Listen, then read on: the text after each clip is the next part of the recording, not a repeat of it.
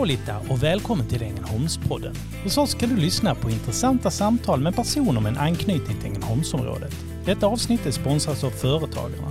Företagarna är Sveriges största organisation för små och medelstora företag. Vi företräder över 60 000 företagare och samhällsbärare och har 250 lokala föreningar. Företagarna erbjuder förmåner och praktisk hjälp såsom obegränsad juridisk rådgivning per telefon, rabatter på resor, hotell, drivmedel, bilar och mycket, mycket mer. Företagarna Ängelholm arrangerar årligen flertalet nätverksträffar och event. Är du intresserad av att gå med i Företagarna? Gå in på hemsidan www.foretagarna.se. Välkommen till Ängelholmspodden. Eh, Här sitter jag tillsammans med Andreas Kreiman Hej! jag heter Manuela Lignell. Dagens gäst är en driven och biltokig person som ser möjligheter i alla situationer. Han brinner för hållbar stadsutveckling och genom sin kreativitet och stora intresse har han gjort stora avtryck i både Ängelholm och Båstadtrakten. Idag är det fullt fokus på spännande projekt som Arenastaden, Centrumhubben Ängelholm Market och nya stationsområdet genom sin roll som marknad och projektansvarig på Backa Hill. Varmt välkommen hit Dag Thulin. Oj, tack så mycket. Tänk vad man kan hinna med. Exakt, så man får höra det spännande. uppläst. Spännande att ha dig här och det är så mycket vi vill avverka, eller hur Andreas? Absolut. Men som vanligt så börjar vi lite med din uppväxt. Jag är född i Hackensack, New Jersey, som en förstad till New York. Där mina föräldrar, en amerikan och en svensk, bodde tillsammans. Hur kommer det sig att just New Jersey? Pappa fick ett jobb där på Danfoss, danska bolaget, eh, som eh, civilingenjör. Och flyttade dit med sin lilla familj som då växte. Och då träffade han din... Nej, de hade redan träffats eh, några år tidigare i San Francisco, där mamma jobbade. Och hur länge bodde ni kvar där? Jag var två år när vi flyttade till Sverige. Det var lite fram och tillbaka för familjen. Så en storebror född i Sverige, en lillebror född i USA och en i Sverige. Så ni är fyra bröder. Fyra bröder på totalt fem år. Det var en stark insats från mamman skulle jag vilja säga. Fyra bröder, hur känns det att växa upp med fyra bröder? Eh, ja, det var väl eh, en i mängden blir man ju då. Rättvisa blir väldigt viktigt. Dela kakan lika och alla de där sakerna. Har det varit mycket bråk mellan era bröder? Kan du tro. Vem vann då? Störst går väl först. Så att, Och du är andra i, i raden, eller hur? Ja. ja. Så mell- mellanbarn. Jag är mellanbarn, eh, riktigt. Ehm, kanske mer storebror i eh, sättet. Två småsyskon också ju. Och ni flyttade till Ängelholm när du var två år gammal. Nej, via Mariestad och eh, Danderyd kom jag till Ängelholm 73. Började på Villandsskolan. Hur gammal var du då? Då var jag 11. Hur var det att komma hit? Var kom du från Danderyd då? Från direkt? Danderyd kom jag då. Det var en, en stor eh, omställning. Helt nytt språk tänkte jag säga. ja, det var mycket, mycket nytt. Fick börja med att sticka en Röglemössa i syslöjden. Introduktionen i Ängelholm, Röglemössa. Så du gick på Villandsskolan. Mm. Hur var det att gå på Villandsskolan? Det var väl en bra skola. Den eh, var väl halvstor och eh, det fanns ju massa med ungdomar runt omkring i- där vi bodde naturligtvis. Så att eh, man kom ju snabbt in i, i olika sammanhang. Och sen var det vidare till eh, gymnasiet här i Ängelholm också. Ja, Centralskolan först och sen Rönneskolan och eh, Tekniska gymnasiet. Mm. Centralskolan, det finns inte alls längre. Nej, den revs ju så småningom. Den satt ju ihop eh, med eh, Rönneskolan så att säga. Så att vi hade delvis lektioner i Rönneskolan, delvis i Centralskolan. Men eh, sen strax efter jag lämnade så revs den. Och synd, det var en fin gammal byggnad. Och vad gick du för, för linje? Då gick jag teknisk. Gick eh, de två grundåren i Ängelholm och eh, sen eh, var jag väl ganska skoltrött och när det öppnades en möjlighet att ta en, eh, ett sabbatsår en praktikplats på ett arkitektkontor där min mamma jobbade så tog jag den och eh, tog ledigt ett år från skolan. Jobbade där som praktikant, fick börja med alla möjliga enkla uppdrag, köra ärenden och eh, färglägga och rita underlag till de andra och så vidare. Ritades alltid med penna och papper då? Då var allting med penna och papper. var det där du kom i kontakt med det här kreativa, att få lov att skapa saker? Och... Ja, det har jag väl lite grann efter mamma gissar jag. Eh, hon var väl ganska försigkommen och gjorde alltid saker, tog alltid tag i saker, skapade saker. Mm. Så det kommer säkert härifrån. Och hon jobbade som arkitekt på den här? Hon var inredningsarkitekt. Mm. Så hon jobbade där och eh, så fick jag komma dit och praktisera ett år. Och det hjälpte ju mig att eh, hitta lite fokus i livet. Gå tillbaka till skolan sen. Göra de sista två åren på Tekniska gymnasiet i Helsingborg, husbyggnadslinjen och eh, bli då byggnadsingenjör. Tror du det är ett bra sätt egentligen så att man i mitt i gymnasiet skulle haft en sabbatsår där man måste egentligen ut och, och träffa arbetslivet på riktigt? För mig var det jättebra och jag tror nog att det är bra. Mm. Och, och, det är ju också så att det krävdes, det krävdes praktik i, kommer jag inte ihåg hur många veckor, några tio veckor, någonting sånt, för att man överhuvudtaget skulle få gå vidare i, tror i trean. Att man hade någon slags praktisk eh, erfarenhet också. Hade du någon tanke innan om att du ville jobba med, med arkitektur eller någonting i den stilen? Nej. Du fick smak för det när du var på den här praktikplatsen? Ja. Man kommer i kontakt och, och lär sig saker så eh, fick jag ju, det var ju som en lärlingsplats. Jag fick ju lära mig väldigt mycket eh, på kort tid där. Och när du tog studenten så valde du att fortsätta den banan? Ja, eh, studenten och sen lumpen och sen blev jag erbjuden att komma tillbaks till eh, Landskronagruppen som det hette i Landskrona och börja jobba där eh, som byggnadsingenjör och göra lite mer avancerade uppdrag. Hur var det att jobba med, med din mamma? Det var väldigt speciellt. Ehm, från början så var det ju hon som lärde mig saker och ting men så småningom, jag var där i nästan 12 år totalt sett, så småningom så, så gick jag om och blev projektledare och hade henne ibland som underhuggare då som jag skulle styra och ställa över. Det var lite jobbigt. Från vems sida? Din eller hennes? Det var nog eh, ömsesidigt gissar jag. jag kan ju bara tala för mig själv men eh, det var lite märkligt. Ja. och så fick man inte kalla henne för mamma. Just det. det går ju inte på jobbet. Men du har ett annat stort intresse också. Bilar. Bilar, ja. Dag. Vad, är, vad är det här med bilar? Ja, det, är väl pappas sida då. Han var ju um, uppvuxen i ett garage. Farfar var bilmekaniker. Och pappa blev ju civilingenjör och eh, maskincivilingenjör då och eh, eh, höll alltid på med bilar, och hade alltid ett, eh, en bil han höll på att renovera eller göra någonting med, fixa. Eh, så att, eh, det var väl någonting som kom i unga år, att eh, bil, bilen är ju rolig. Och sen under, under tidigt eh, 80-tal så när jag började köra bil och så, så ville man ju ha en rolig bil också. Så min första studielån gick till en MG som jag kunde köra omkring med. Som. Är det ett intresse som ni alla bröder har? Eller det... Nej. Är det bara du som är bilintresserad? Um, ja, det skulle jag säga. Det finns bilintresse men inte ett stort. Men um, ja, jag har gjort uh, um, hållit på mycket med entusiastbilar, sportbilar. Har du tävlat någon gång också? Jag tog en uh, tävlingslicens men det blev aldrig några tävlingar utan det var, det var roligt att köra på bana och det gör jag gärna fortfarande någon gång per mm. år men uh, inte tävla. Från, från det här bilintresset till att sen också starta bolag med mm. bilar. Vad, hur kom det? Ja, um, man, man lär ju känna folk som har liknande intressen naturligtvis. Och en, en kompis, Thomas och jag, vi startade någonting som hette Classic Car Parts 1985 när vi började sälja delar till de här bilarna vi körde. Det var svårt att få tag på.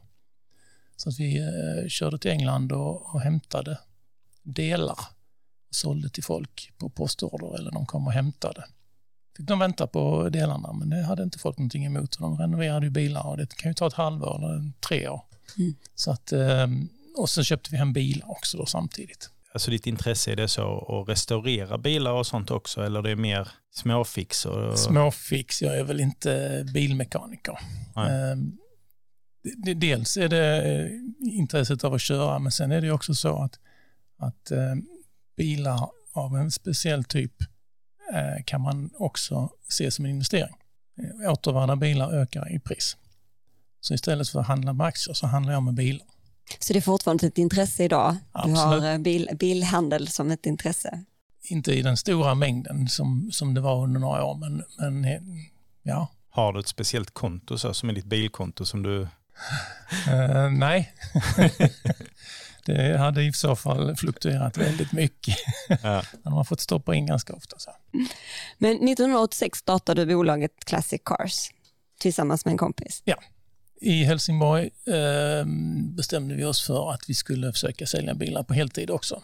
Så då lämnade jag Landskrona Open och eh, så startade vi en eh, butik i, på Ängelholmsvägen, granne med Zoegas, där vi då sålde importerade eh, sportbilar och entusiastbilar, gammelbilar. Var det alla typer, alltså var det italienska och, eller det mest engelska? Och... Det var mest engelskt men eh, nej, det var väl massor och eh, det fanns väl någon enstaka Lamborghini och Maserati också. Det var lite av varje. Jag har aldrig varit någon sån eh, märkesfixerad utan eh, det finns något roligt i de flesta märkena. Nej, har du någon speciell bil som jag sa, den där hade jag verkligen velat ha någon gång? Ja, det finns fortfarande. Det, det, men det, du kan inte säga en bil. Liksom. Det tillverkas ju en här borta eh, runt hörnet tänkte jag säga, men den, den räknar jag inte med att komma upp i. Men eh, man flyttar ju sig upp med, så småningom i kedjan där på något sätt. Vad kör du för bil idag? Till vardags kör jag en, en Mustang elbil, men eh, till på helgerna eller på fint väder så har jag min Aston Martin. En Vantage från 06. Och du har ingen så gammal bil nu? Ehm, just nu är det lite tomt i garaget. Ehm, sålde av ett par stycken i höstas. Ehm, så att just nu är det faktiskt bara den som förvaras. Mm. Men det kommer nya. Det kommer nya. Jag förstod som att ni fick ändå lite blodad tand för det här med att, driva bolag och bilföretaget och var på väg att flytta till USA. Ja, det var riktigt. Det var meningen att vi skulle göra ännu större eh, saker av det hela. 1990 var jag på väg att eh, höll på att sälja av alla ägodelar och, och eh, lägenheten och allt möjligt. Jag skulle flytta till USA. Kompis Thomas hade redan gjort det. Men eh, då eh, tvärdog marknaden helt plötsligt eh, inför det som sen blev den här ekonomiska krisen 91-92. Och så träffade jag dessutom min, min eh, då nuvarande fru Marika 1990. Så då stannade jag. Hur träffades ni? Hon var praktikant på Landskrona Open där jag jobbade. Via jobbet alltså? Ja. Mm. Det är väl sånt som man inte får? Just det. Mm. Ändå är det så många. Och Marika du har två pojkar. Ja. Mm. Har de haft ditt bilintresse? Absolut. Vare sig de vill eller ej. Nej då, det, det, vill de eh, absolut. Eh, så att eh, Adam som är 23, han eh, kör Porsche eh, när han är hemma från studierna. Och Emil som är 19 har precis tagit körkort och eh, han har i och för sig en Mini Cooper men han letar nu efter en sportbil också. Vad jobbar Marika med? Marika är också arkitekt, har en egen firma som heter Salt Arkitektur. Mm -hmm. Jobbar mycket med privatkunder, villor, men en del med annat också. Vad skulle du säga liksom det, för vi kommer ju alldeles strax till alla de här skapelserna du har gjort. Men jag tänker, liksom, vad var det som, eh, när det handlar om arkitektur, vad var det du fastnade för där? Oj, det är väl roligt att skapa, skulle jag tro att det var stor drivkraft. Någonting som blir kvar efter, efter mig och som andra också kan ha nytta av. Det, du sitter och ritar någonting på, på pappret och sen är man med i en process där det byggs och, så, och sen står den där. Mm. Inte för tid och evighet, men, men lång tid. Mm. Man påverkar ju allas miljö. Och du har ju gjort stora avtryck i både Ängelholm och i Båstad. Ja, det har blivit några stycken. Och hur började du jobba i Ängelholm? Eh, en annan arkitekt på Landskronagruppen heter Pontus Möller, eh, känd Ängelholmsson. Eh, och ehm, när eh, vi höll på med Vigralområdet. Eh, första etappen så gjorde vi den eh, i ett Landskronagruppsbolag. Men sen flyttade han tillbaks till Ängelholm och med sin verksamhet. Och när han fick andra etappen som uppdrag så ringde han och frågade om inte jag skulle komma och hjälpa honom. Så då flyttade jag tillbaka till Ängelholm. Jag bodde i Ängelholm hela tiden men då var jag kvar i Ängelholm på dagarna också. Och började jobba hos honom då som jag jobba där. arkitekt eller? Så var det. Ehm, Och eh, de sista, jag var där i 19 år, de sista 5-6 åren så var jag också en av delägarna. Vad gjorde ni för typ av projekt då? Mycket stora bostadsprojekt. Migralområdet och sockerbruksområdet. Och jag gjorde ett kvarter nere i Malmö vid, eh, vid Turning Torso som heter kvarteret Fören. Och andra ställen också. Stadsplanering, eh, Eh, villor, mycket olika saker. Jag har gjort en, en hel del i Ängelholm då, som Manuela är lite inne på här. Där ehm, jag som ansvarig arkitekt har ehm, utformat eh, dels eh, huset som Dressman och Kappahl ligger i. Huset som ICA Supermarket och Systemet och Lindex finns i. Likadant Harris, eller Pop som det heter idag, och Rönne brygga. Så att eh, faktum är att de, i, inne i centrum, alla de eh, nyare byggnaderna så har jag hållit i dem. Och vad, då för någon som inte jobbar med detta till Mm. vardags då, vad, vad, vad är det då du som tar fram liksom hur det ska se ut, alltså ritar liksom den mallen och sen skapar man, eller vad, vad är liksom din insats i de här byggnaderna? Eh, Som ansvarig arkitekt så håller man i utformningen. Hur det ska se ut, vad det ska innehålla. Och sen har man ett team som man jobbar med naturligtvis. Man gör ingenting själv. Pontus finns ju med också som eh, bollplank i, i alla projekten. Och så eh, är jag eller någon annan som utformar det. Och sen så har man eh, folk som gör de arbetshandlingar och delmoment som krävs för att det ska sen kunna byggas efter och bli verklighet. Hur är då känslan när man går där på Storgatan och liksom tittar upp och ser liksom det här som har skapats? För det är ju lite så allt som, allt som skapas har ju någon gång börjat i någons tankar. Så är det ju med allt vi ser. Men liksom hur är den där känslan när du går där på Storgatan och ser de här verken som du har då varit med och utformat och Mm. skapat? Ja, men det är alltid en speciell känsla. Att, att eh, de, de husen tycker man ju är lite mer, lite mer viktiga än andra.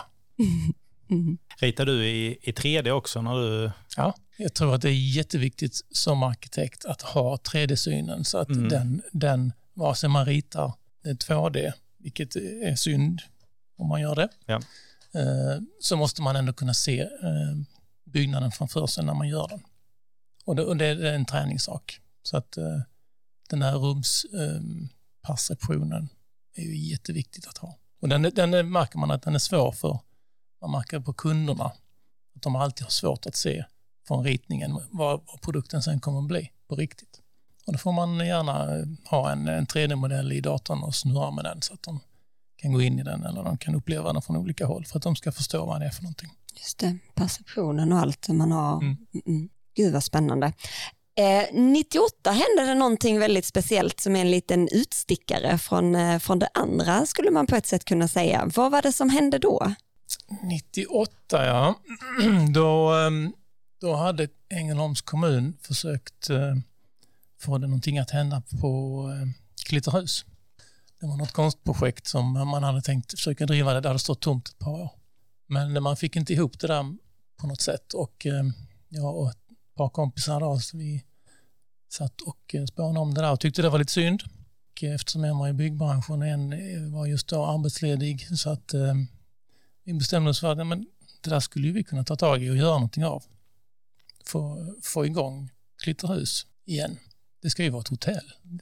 Det var en gammal dansrestaurang där med stor dansbana där uppe och, och fiskarstugan där nere. Men eh, det tyckte vi att det skulle man kunna ta tag i så att vi kontaktade kommunens bolag då som ägde det och eh, efter en eh, liten försäljningsprocess som de var tvungna till så var det ändå vi som lyckades få köpa det. Och sen drog vi ihop eh, släkt och vänner och eh, arbetslösa och så vidare och så renoverade vi Glitterhus och eh, byggde om då så att vi fick 15 gästrum och en restaurang där nere som vi då arrenderade ut driften på och sen så körde vi driften själv på hotellet under två, tre år någonting. Var det många intressenter, fler än ni då från början? Eller det var inte... Ja, där var andra anbud in. Men vi, eh, om, vi, om vi var högst eller om vi bara var, hade det bästa anbudet, jag vet inte riktigt hur urvalsprocessen gick till. Vi hade presenterat vad vi ville göra gjort en liten plansch med, med visionsbilder. Var det någon av er som hade jobbat i den branschen innan? Ingen av oss, nej. det var Pippi Långstrump-principen. Det här har vi aldrig gjort för, men det går nog bra. Och ni fick dessutom pris för det här från ja. juniorhandelskammaren ja, precis. Vi 2000. Fick, fick årets uh, företagarpris då. Mm. Mm. Så jag har en stor sån här lerjack liggande där hemma. Och när vi pratade du och jag inför den här eh, podden så, så nämnde du någonting om lite kaos och en storm och lite mm. hinder mm. på vägen. Och det, det, är ju ofta så när man ska göra nya projekt att det kommer lite motgångar och lite hinder och vad jag har mm. förstått så är du en person som hittar då möjligheterna att ta sig runt det. Kan du inte bara berätta, vad var det som hände där på Klitterhus? Ja. Vi, vi höll ju på att renovera som sagt och hade delat in eh, den stora lokalen i en massa rum och eh, lagt nya golv och eh, höll på att byta nya, till nya fönster. Och fönstren var väl inte helt eh, färdigsatta ännu. De satt på plats men de var inte drevade och tätade och så vidare. Och så kom en av de här vinterstormarna. Och det här var jultid.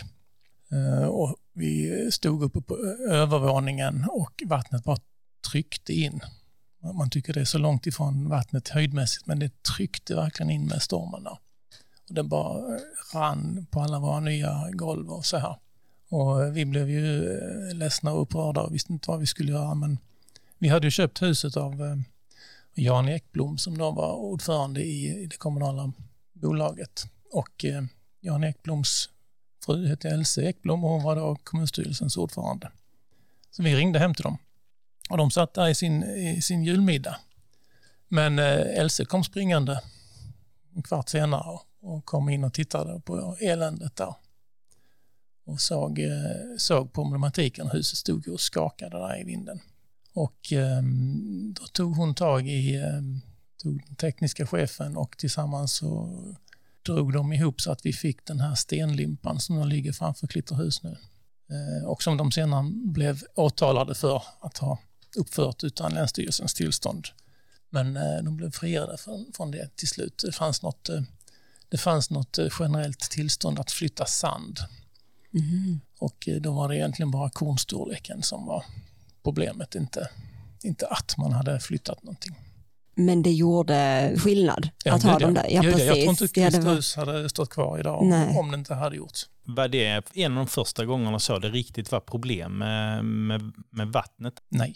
När jag sen studerade eh, utredningar och sånt som hade gjorts så hittade vi många flera år gamla utredningar som talade om att det behövdes åtgärder för att säkra. Så det var ingen nyhet, egentligen. Men det har blivit värre och värre kanske för varje år? Antagligen. Stranden är ju, är ju inte lika bred som den var 60-70-talet. Det. det har betydelse. Stoppsträckan för, för vattnet så att säga. Och medan ni renoverade Klitterhus och gjorde om det till, till hotell och så vidare, jobbar du fortfarande då 100% på, på arkitektfirman? Ja, det gjorde jag. Mm och hade små barn. Ja, just det. Ja, just det. Stämmer. Hur får man ihop det liksom? Nu var det bara ett barn och han var ju alldeles nyfödd, men absolut, det var ju det var en, en tuff period i livet och det är det väl när man går igenom sådana här, såna här eh, projekt där man går all in. Eh, så jag gick ju ner en 8-10 kilo och sprang där varenda kväll och helgerna. Då kom ju släkt och vänner också mm. som sagt. Både min pappa och eh, svärfar och eh, ja, svärmor också. Alla kom och hjälpte till. Mm. De andra delägarna också. Så att det var ju, eh, man samlades där och någon åkte och köpte hamburgare eller pizza och sen så jobbade man. Det var eh, kul men jobbigt. Hur länge hade ni Klitterhus? hade vi tre år, så att 2001, eh, julen 2001 sålde vi det. Lagom till min 40-årsdag. Vad var det som gjorde att ni, ni bestämde er för att sälja det? Vi var ju inte hotellmänniskor. Det, var, det, det är kul att skapa, det är kul att utveckla. Men vi kände ju vår begränsning i att eh, vi var ju inte hotellmänniskor. Vi skulle inte kunna sköta den här driften på ett professionellt sätt i längden. Så att eh, vi lämnade över då till, till andra människor som kunde göra det på ett annat sätt. Om du får så här, tänka tillbaka på den här treårsperioden när du drev det här hotellet, vad skulle du liksom, vad tar du med dig från den tiden? Ja, tillsammans kan man åstadkomma mycket vi tre hade väl inte klarat av det egentligen. Men eh, med släkt och vänner så kan man både driva och, eller renovera, bygga, driva. Ja, och ibland behöver man ju den kicken liksom från varandra också för att kunna komma vidare. Alltså, mm. Man kan gå en tanke hur länge som helst, men ibland är det mycket lättare när man är en till i alla fall. Så man pushar varandra. Mm. Eh, jag tror att det gäller i många sammanhang. Vare sig man är entreprenör eller något annat. Där, där behövs input från mer än en för att ett plus ett blir liksom tre. Och jag tänker det genomsyrar eh, nu när vi lyssnar på dig att det finns liksom en liten entreprenörsanda i dig. Ja, absolut. Det är roligt att skapa nytt. Och efter eh, Klitterhus så fortsatte du jobba som arkitekt, men då var det något speciellt som hände 2014, tänker jag på. 2014, ja. Då, då um, kände jag att det var dags för en förändring i livet igen. Och eh, tyckte jag att eh, jag skulle vilja pröva på att vara på beställarsidan istället. Vara den som, som ehm, skapar projekten utan att utforma dem själv. Så att eh, jag satte ihop en liten pitch och eh, gick till Backa Hill där jag eh, ändå hade redan jobbat fyra, fem år med att rita deras projekt. Ritade både Rönne brygga och Falken, eh, Harris och eh, till slut också hotell Riviera Strand i Båstad. Så att jag kände ju dem väl och så gjorde jag en liten pitch där jag talade om vad som väntar runt hörnet för utmaningar och eh, sa att är det inte dags att ta in mig inhouse istället för att anlita mig till att göra konsultuppdrag. Och eh, det var en fredag eftermiddag och eh, jag lämnade kvar en liten broschyr där och sen måndag så ringde telefonen och Svante Paulsson hade dratt det med styrelsen redan och eh, gav klartecken att det var klart att de skulle ta in mig där. Trodde du det skulle gå så snabbt när de svarade? Nej, det, det, är klart att det är en liten anspänning när man gör en sån sak att man samlar mod, samlar eh, ihop en presentation och så vidare i förväg för att eh, presentera. Så att den helgen var man ju liksom och sen måndag morgon ringer det och, och allting är klart. Mm. Det var en väldigt speciell känsla. Men Svantes han sa, han gick igång sa han det där ska vi ha. Det där ska vi, så ska vi lägga upp jobbet. För, för Backe Hill har ju egentligen bara hyrt in eh, tjänsterna tidigare. Hade du tagit upp detta med Pontus Möller, att du, du tänkte göra detta här eller det kom som mm. lite en överraskning för honom? Det blev en överraskning för honom också. Mm. Men vi har en, en bra relation. Vi, vi anlitar ju Möller Arkitekter liksom flera andra arkitekter men Möller Arkitekter gör en hel del jobb till Backe Hill så att eh, det är bara det att relationerna är annorlunda idag. Så. Vad var din största drivkraft där? Jag tänker det här eh, att gå från att få vara på andra sidan och få, är det är det, det här utvecklings... Eh, ja, att, att kunna styra vartåt vi ska gå och påverka eh, innehållet eh, i det stora. Som arkitekt så, så, får du ett uppdrag och det är ganska spesat. Eh, här ska vi ha bostäder, här ska vi få in så mycket som möjligt på vad detaljplanen tillåter men, men alla lägenheter ska ha utsikt eller vad det nu är. Men det är ganska spesat. Men backar man då ett steg till, till andra sidan så, så eh, kan jag ju mm, idag sitta och bestämma liksom, ja men skulle vi inte kunna göra det här? Mm. Innan man går då till arkitekt och talar om att vi skulle vilja ha det här ritat eh, enligt det här konceptet.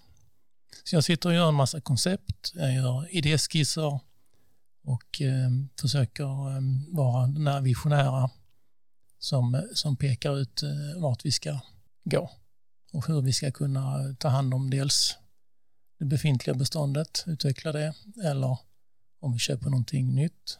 Så kan jag ju titta på en tomt och eh, snabbt konstatera att ja, men här får vi plats med 70 lägenheter och eh, då kan någon göra en kalkyl på hur det kommer att se ut. Visioner, visionär, jag tänker, har, du, alltså, har du haft det med dig alltid? Har du liksom haft den där förmågan att kunna se saker innan det har hänt och liksom kunna bygga upp den där stora visionen? För det, det är inte alla som har den förmågan, tänker jag. Nej, det vet jag inte om jag har haft alltid. Den har nog vuxit med erfarenheten och eh, önskan att, att få eh, vara en, en liksom viktigare del eller en större del i, i vad det ska bli. Den, är nog, den har nog vuxit fram. Hur lång tid tog det från att, ja, nu är det måndag, vi kör på detta, säger Svante, och sen var, hur lång tid tog det till du väl började då?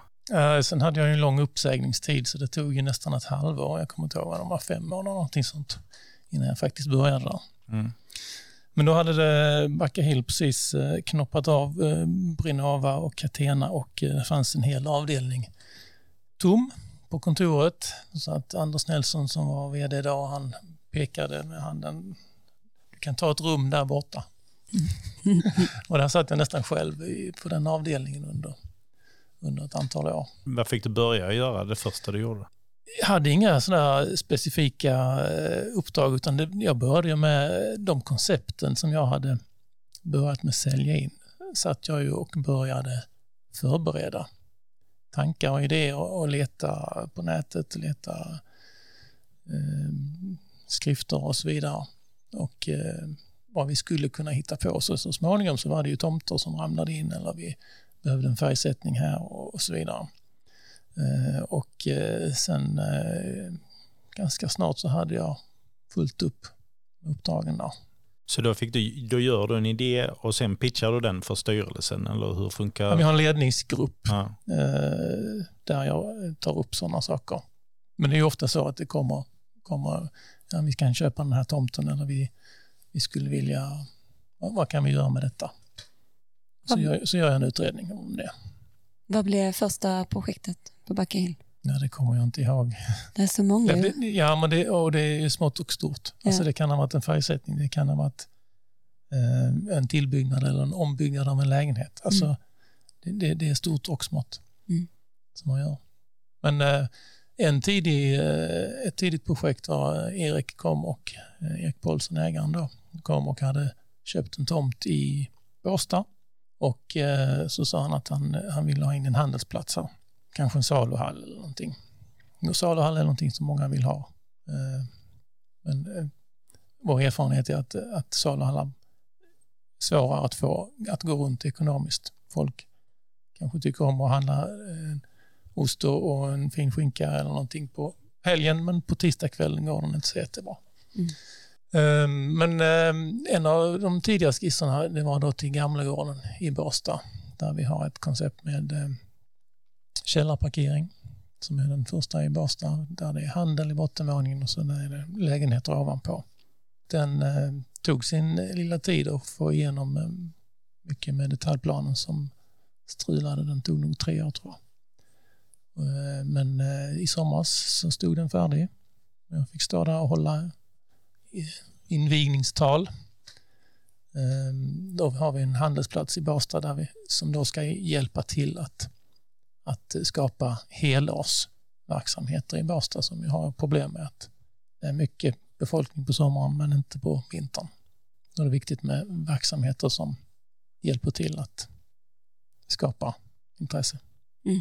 Jag tänkte på en grej, har du koll på hur många projekt du har jobbat med under åren?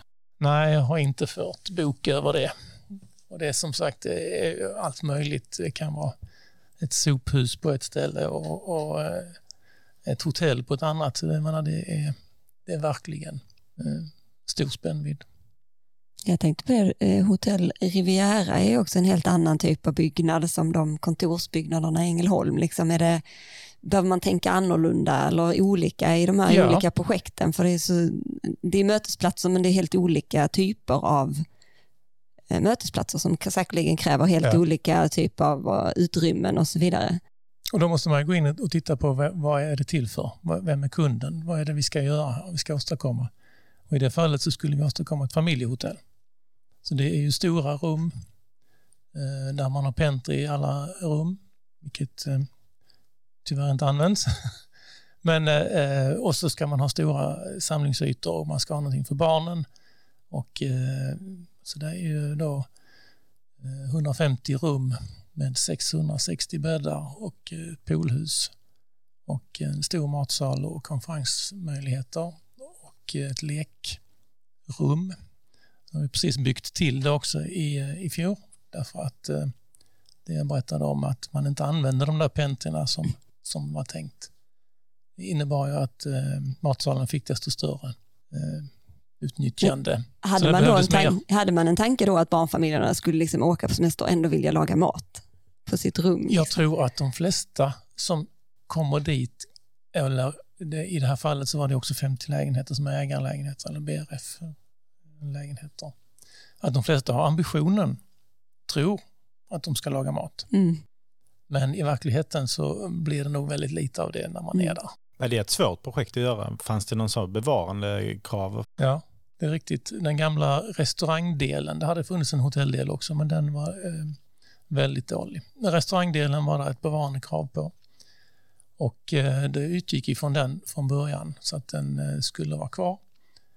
Eh, men det visade sig under eh, renoveringens gång att eh, den eh, var inte undergjuten.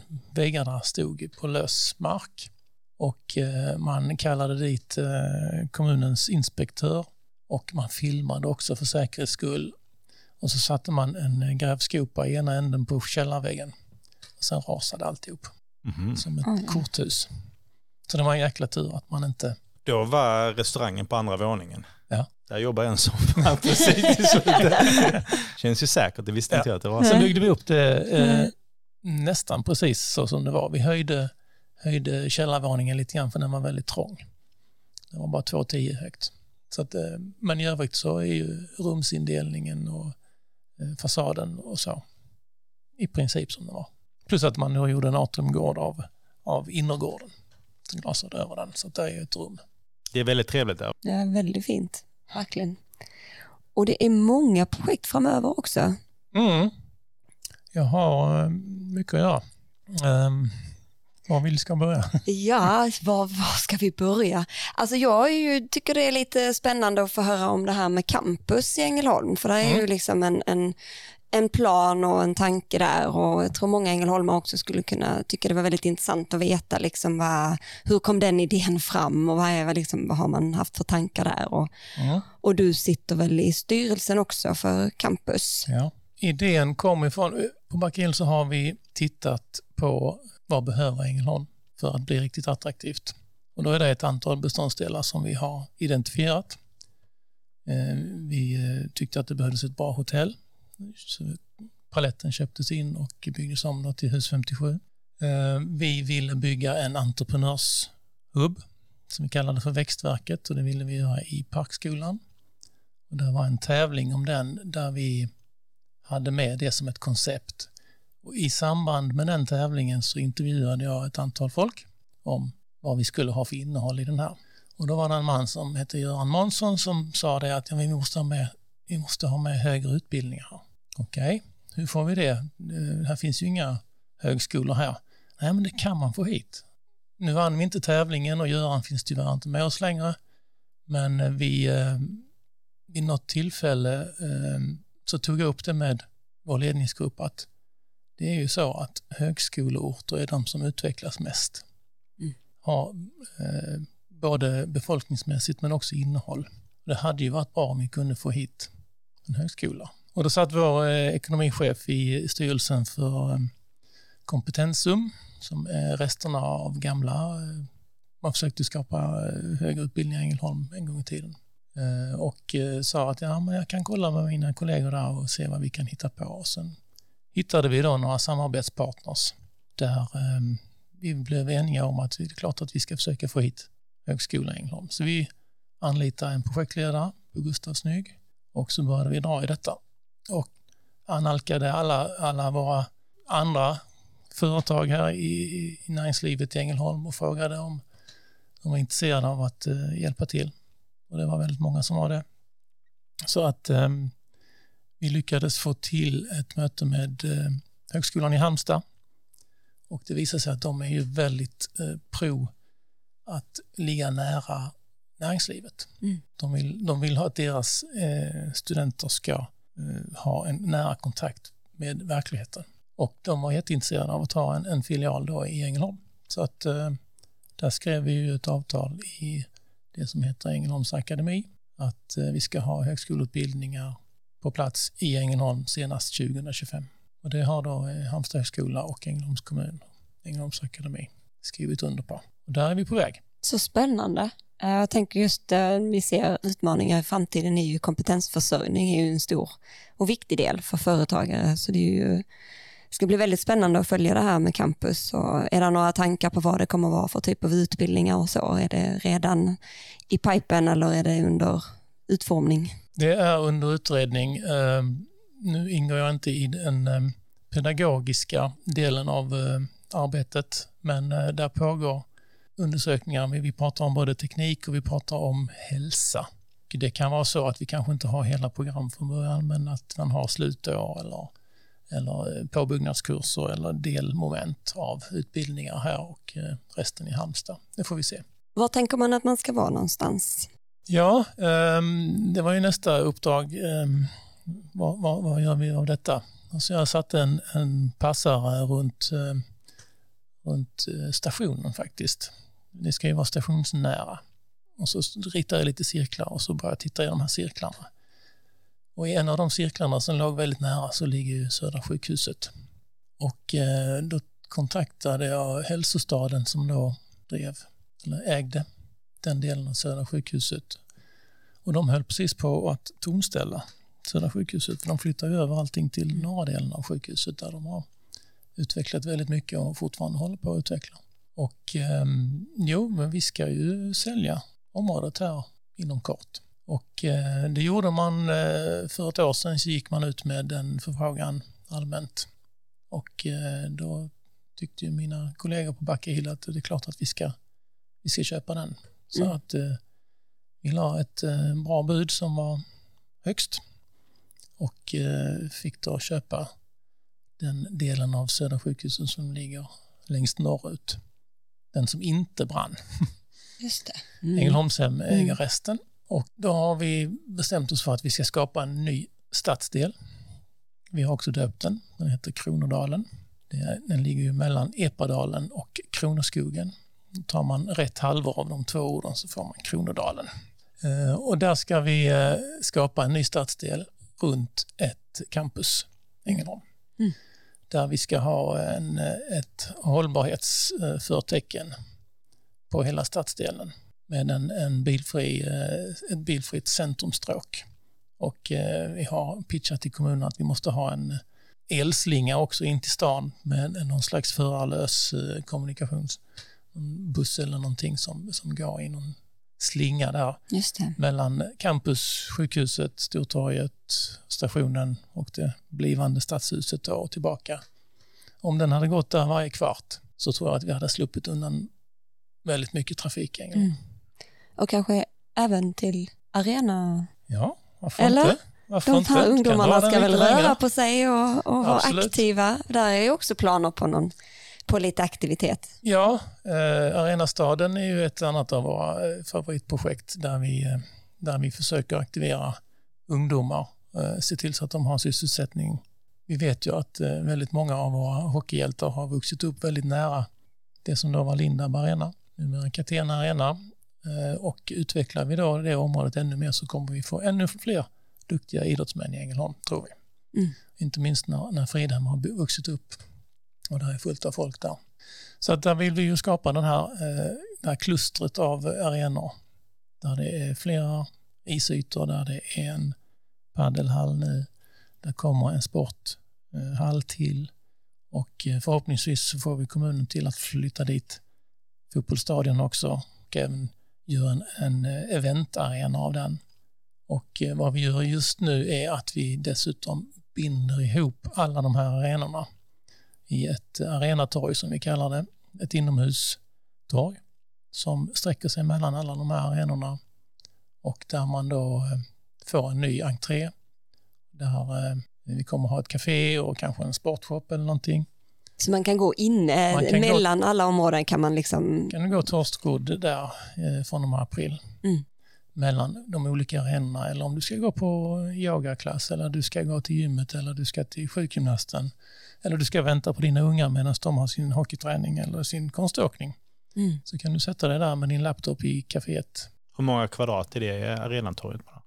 Den är rätt stor, men jag kommer faktiskt inte ihåg hur stor. Kommer det kunna bli någon, någon form av mässhall och sånt, sånt också? Eller det, det kommer inte funka där inne? Det kan vara utställningar. Eh, en regelrätt mässa tror jag inte den är tillräckligt stor för. I Arenatorget så kommer det då att också finnas ett idrottsmuseum där det ska bli eh, digitala skärmar som eh, visar alla Ängelholms olika idrottsföreningars historik. Gud vad spännande. När ska det vara färdigt? Nu i vår. Alltså jag, jag, jag glömmer aldrig min syster, hon pluggar uppe i Umeå och då eh, har du varit uppe i Umeå. Nej. De har, de har, alltså nu säkert inte exakt samma så, men det jag blev så imponerad av var att de hade ett sånt här riktigt samlingsställe med både, nu hade de väl liksom badhus och ishall, volleyboll inomhus med sand, de hade ett stor kraft, alltså de hade verkligen allt och då vet jag, jag tänkte på det redan då, liksom att ah, det här skulle vi haft i Ängelholm eftersom här är så mycket idrott och idrottsföreningar mm. som skulle kunna liksom samlas och dra synergier av varandra. Och, mm.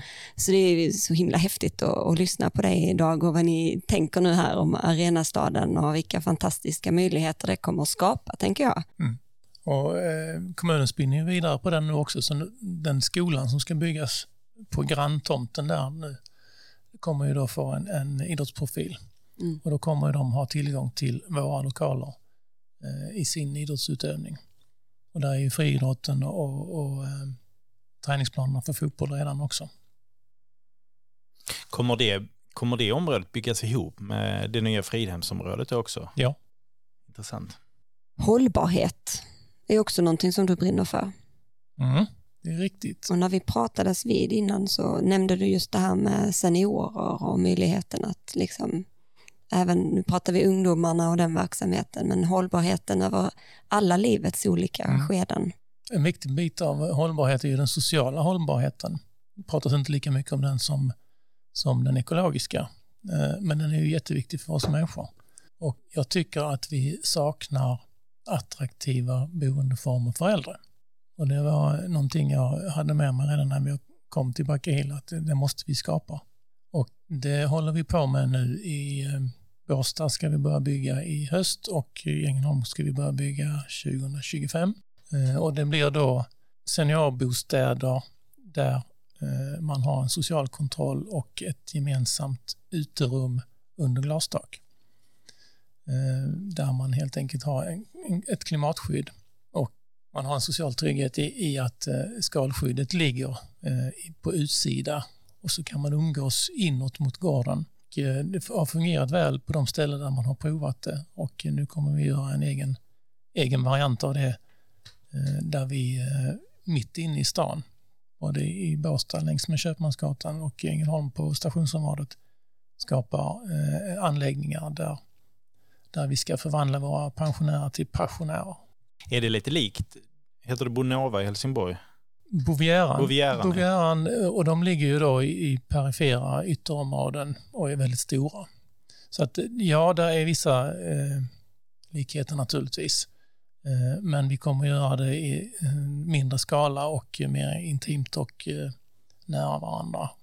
Och I Båstad kommer det också finnas lite lokaler eftersom det ligger längs med Köpmansgatan. Så kommer det också vara lite verksamheter i bottenvåningen.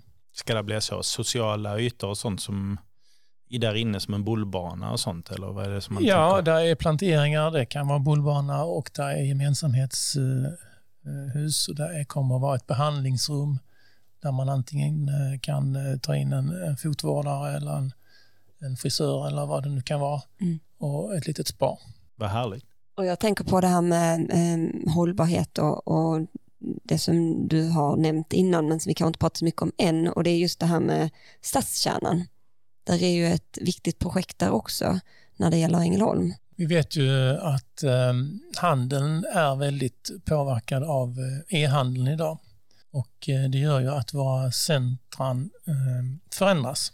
De har mindre av handel idag kanske och mer av restauranger och annan en form av eh, platser där man träffas helt enkelt, mötesplatser. Mötesplatser är någonting som jag tycker är jätteviktigt. Eh, vi är sociala djur mm. och då ska vi skapa platser där folk vill mötas, träffas, stanna lite längre.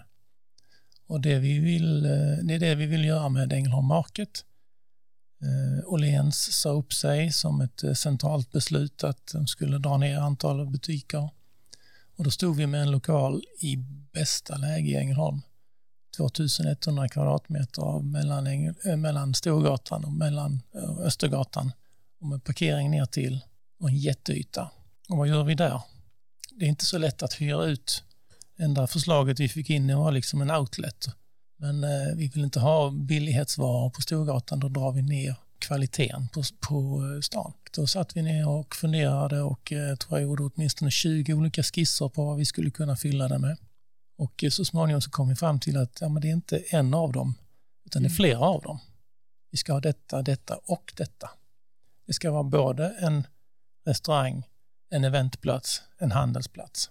Så det är vad vi skapar nu, en anläggning där vi har två stycken restauranger, handel, både en florist och inrednings och träningsklädeshandel och ett eventtorg där vi har sex bullbanor, lite olika spelmaskiner, en scen där vi tänker se till så att det händer någonting i princip dagligen och en eh, yogastudio slash konferensrum. Och så ska vi se till i egen regi att det blir väldigt mycket ruljans där inne. Vi har också stoppat in det som vi kallar för paketeriet som vi redan har startat eh, mittemot i princip och eh, där man då hämtar sina paket på ett värdigare sätt skulle jag vilja säga än eh, att behöva stå i, i kön på någon tobakshandel eller någonting. Eh, här kan man slå sig ner, beställa sitt paket och eh, prova kläderna om man har beställt dem i tre olika storlekar eller olika kulörer. Skicka tillbaka det som inte passar direkt och bara ta med sig hem det som man mm. tänker ha använda. Hur långt är planerna på, på AHL Market? Då? Där öppnar vi eh, på eh, skärtorsdagen 6 april. Alla välkomna ta del av eh, Ängelholms nyaste vardagsrum. Finns det en anledning att stanna lite till i Ängelholm nu. Spännande. Mm. Verkligen.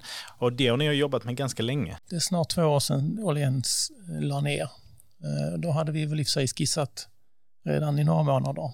Ja, det är drygt två år har vi hållit på med att sätta det konceptet. Mm. Och det är fortfarande fullt upp dagligen även för mig som, som, som har redan anställt folk som ska sköta det där. Men, men eh, där är mycket fortfarande att, att ta beslut om och eh, se till så att det blir rätt. Innan vi går vidare till nästa moment, för jag har några stående moment här, så är jag bara nyfiken på att lyfta upp det här med Dag. Jag tycker det, det, det säger så mycket om dig också det här engagemanget som du har för det som du tycker om just med utveckling och hållbarhet. För att du sitter ju också i en hel del styrelser och väljer att engagera dig. Vad, vad är det som gör att du, du har valt att göra det? Ja, det är väl också en sån här sak som man kommer till med åren, att man känner sig att jag skulle kunna hjälpa till med eh, den erfarenheten man har och se till så att eh, jag brinner ju för utveckling styrelser sitter ofta fullt med eh, folk som, som brinner för ekonomi. Eh, man kan behöva ett annat synsätt också. Ehm, och ehm, sitter jag gärna med och eh, talar om vad man skulle kunna hitta på. Mm. Och sen får man hitta de ekonomiska lösningarna för det. Men, men det, det är ju så att företag ska ju framåt. Och då måste man ha lite visioner och lite tankar och mm. utmana lite. Du har ju gjort enormt mycket och du gör väldigt mycket. Jag är bara så nyfiken på det här med hur liksom, vad har du för återhämtningsventil ehm, eller vad, vad, gör du för att orka med alla de här grejerna som du då liksom engagerar dig i och lägger enormt mycket tid och, och eh, kraft på? Ja men det är ju bilarna. Det är bilarna ja. Det är bilarna. Då eh, får man ju ta ut bilen ur garaget och eh, köra en sväng, kanske någon, eh, någon bilträff eller eh, jag har skapat ett eget eh, litet bilforum också där vi har folk från trakten som man kallar på genom en Facebookgrupp och frågar ifall det är någon som är intresserad av att köra. Körfältet heter den, kan man se på Facebook. Och då kör ni tillsammans? Ja, då gör vi utflykter. Kanske vi åker till Skummeslöv strand och kör ner på stranden och, och käkar en pizza. Tittar på solnedgången. Eller så kör man till Knutstorp och tittar på någon tävling där. Eller så. Alltså måste få, är, är Marika, din fru, då, är, hon, är hon också biltokig och intresserad och följer med på de här turerna eller är det, är det din grej? Liksom? Det är ju framförallt min och killarnas grej men hon är, ehm, hon är välvillig att följa med om det inte är biltävlingar kanske. Men utflykterna tycker hon naturligtvis. Gud vad spännande. Vi har, vi har två stycken moment i Ängelholmspodden. Eh, alla våra gäster får eh, ta med någonting som eh, betyder lite extra, som är väldigt speciellt för en och jag är så nyfiken på vad du har valt att ta med till Ängelholmspodden som är viktigt för dig. Mm. Ehm, och då är det ju naturligtvis bilrelaterat. ehm, jag tog med mig min perm med berättelser som jag skrev på 90-talet efter alla de biläventyr som jag och mina kompisar hade 80-90-talet.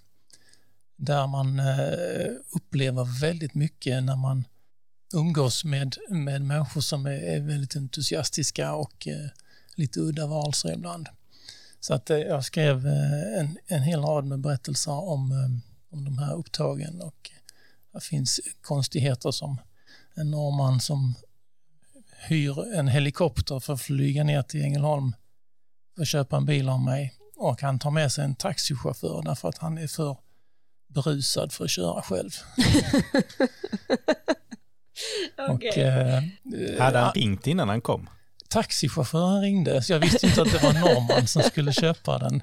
Sen det var taxichauffören som ringde och frågade om de kunde komma.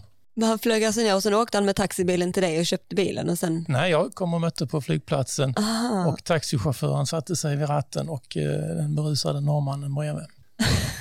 Och vi kommer ihåg något tillfälle vi har varit i, i England och köpt en massa bilar och så står man i hamnen i Harwich och eh, så har man, är man tre personer så har man åtta bilar. Och då ska man ha ombord dem. Då får man springa runt i bilkön och knacka på fönstren och fråga om det är någon som har lust att köra ombord en bil. och, och, det där hände ett antal gånger men det, det brukade fungera för annars måste man lämna dem på frakt och det var ju besvärligt och dyrt och allt möjligt på en gång. Ehm, så bjöd man på en drink på båten och så fick man med sina, sina bilar trots att man var underbemannade.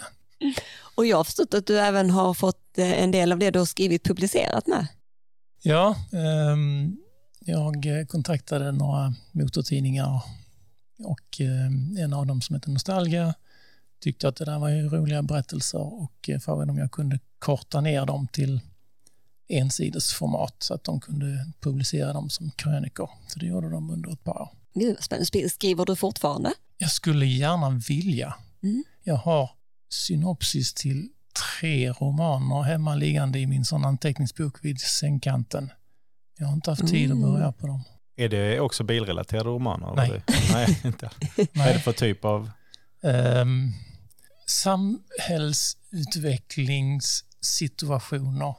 Tänkte jag att om vi ser någon trend som, som håller på att utvecklas i, i, i världen, om man skruvar på den och får en annan situation, vad, vad, hur blir det att leva i den? Wow. Där, där är saker jag skulle vilja undersöka och liksom se hur mycket man kan skruva på det. Så det, det, det är mer eh, situationen än, än storyn än så länge, eller, eller en, en relationerna. Man får fylla dem med, med folk naturligtvis så småningom, men situationerna har jag tre stycken antecknade som jag vill undersöka. Och eh, ni ser ju inte detta, men bredvid Dag så ligger där en hel eh, perm med då de här eh, texterna som du har mm. fått ner och de betyder mycket för dig. Ja, det, det gör de ju. Det är eh, upplevda saker och det, det, vet vi ju. Det är det vi upplever som fyller oss. Mm. Är allt helt sant? Absolut, det är på riktigt. På, på redigt. Mm. vi har ett moment kvar och det är att alla gäster får skriva en fråga som vi skickar vidare. Och eh, du har en liten skål framför dig så du ska få eh, dra en av lapparna som ligger i den. Och sen så ska du få eh, läsa upp frågan och sen ska du få svara på den.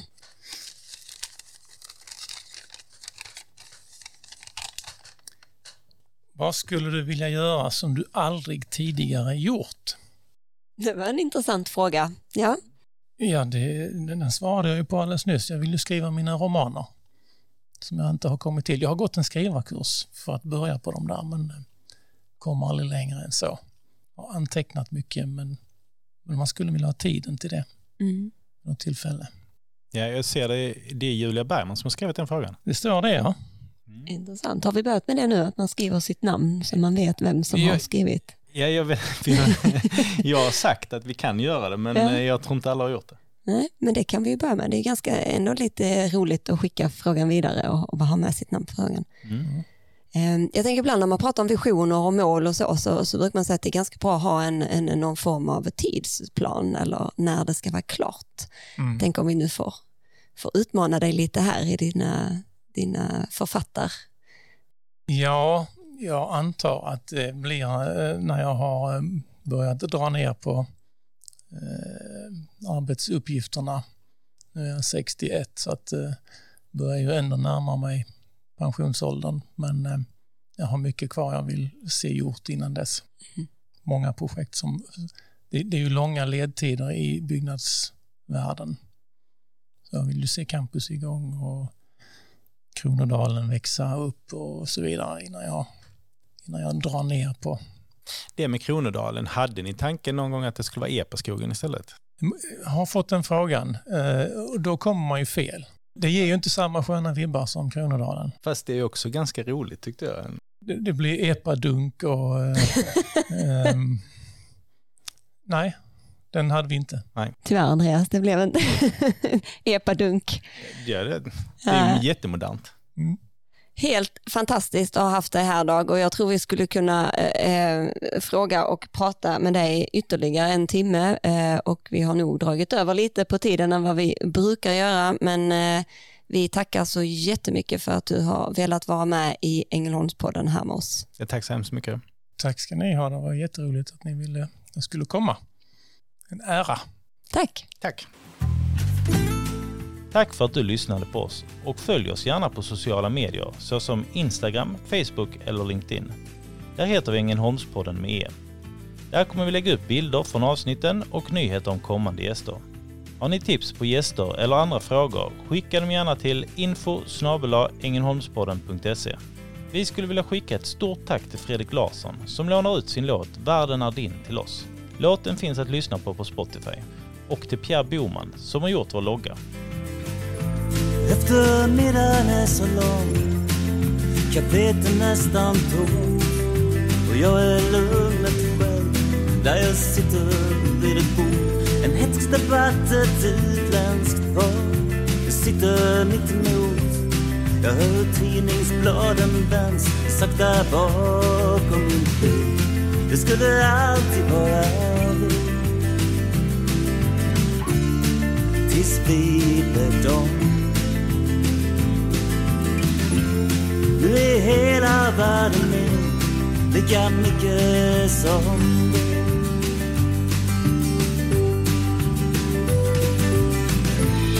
Och en livstid passerar Ett andetag långt. En klocka tickar ner En man stänger sin dörr. Och jag läser några rader Tyst för mig själv. En biografi av Felicia Fält. Hennes livsresa med Att i skuggan av sin mor Där i den mörkaste botten låg den vackraste törn Nu är hela världen